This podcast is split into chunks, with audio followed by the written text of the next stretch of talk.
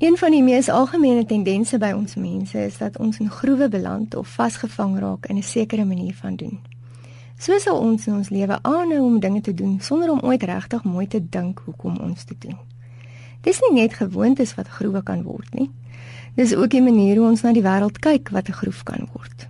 Ons verval so in 'n sekere denkpatroon dat dit vir ons onmoontlik raak om eers te dink dat ons ooit anders daaroor sou voel. In Handelinge 9 loop ons vir Saulus wat later Paulus sou wees raak. Saulus was op daardie stadium een van die mees ywerige Jode wat jy kon kry. Volgens hom was die evangelie oor Jesus louter 'n snert en het hy uit sy pad gegaan om enige een wat hierdie evangelie verkondig op die wreedste moontlike maniere te martel. Terwyl hy op pad was na Damaskus om al die gelowiges daar te gaan arresteer, verskyn daar uit die bloute 'n helder lig, helderder as die son uit die hemel aan hom. Presies wat gebeur het, weet ons natuurlik glad nie. Maar God het sy hele lewe omgekeer en hom in sy spore gestuit. Vir die 3 dae wat Paulus blind was, was hy soos 'n dooie, totaal geskok en verbuister oor wat met hom gebeur het. Boonop was die gelowiges ontsettend bang vir hom en wou hulle nie iets met hom te doen hê nie.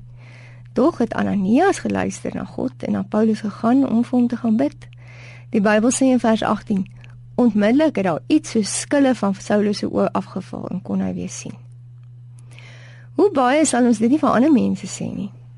Ek wens die skille wil van sy of haar oë afval. Om op 'n nuwe manier te begin dink, om op God se manier te begin dink, is nie iets wat sommer maar net van self gebeur nie. Dis 'n geweldige pynlike ding.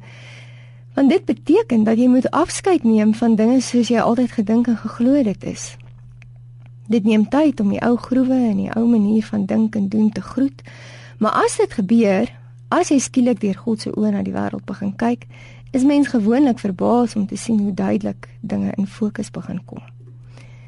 Wat beteken dit prakties om met nuwe oë te kyk? Dit beteken onder andere dat ek op 'n afstand van myself gaan staan en vra, "Hoekom doen ek wat ek doen?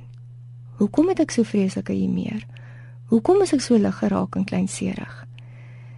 Dit beteken veral dat ons in ons tyd, ten spyte van my bangheid en onsekerheid oor wat ons land aangaan, nie al meer en meer rassisties raak nie, maar dat ek bietjie terug staan en vra Here, wat is u plan met hierdie mooi land van ons en wat kan ek doen om dit beter te maak?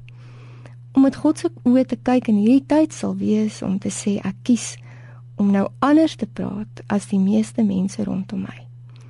En ons kan dit doen want ons glo Jesus het opgestaan en daarom het ek ook hoop vir môre.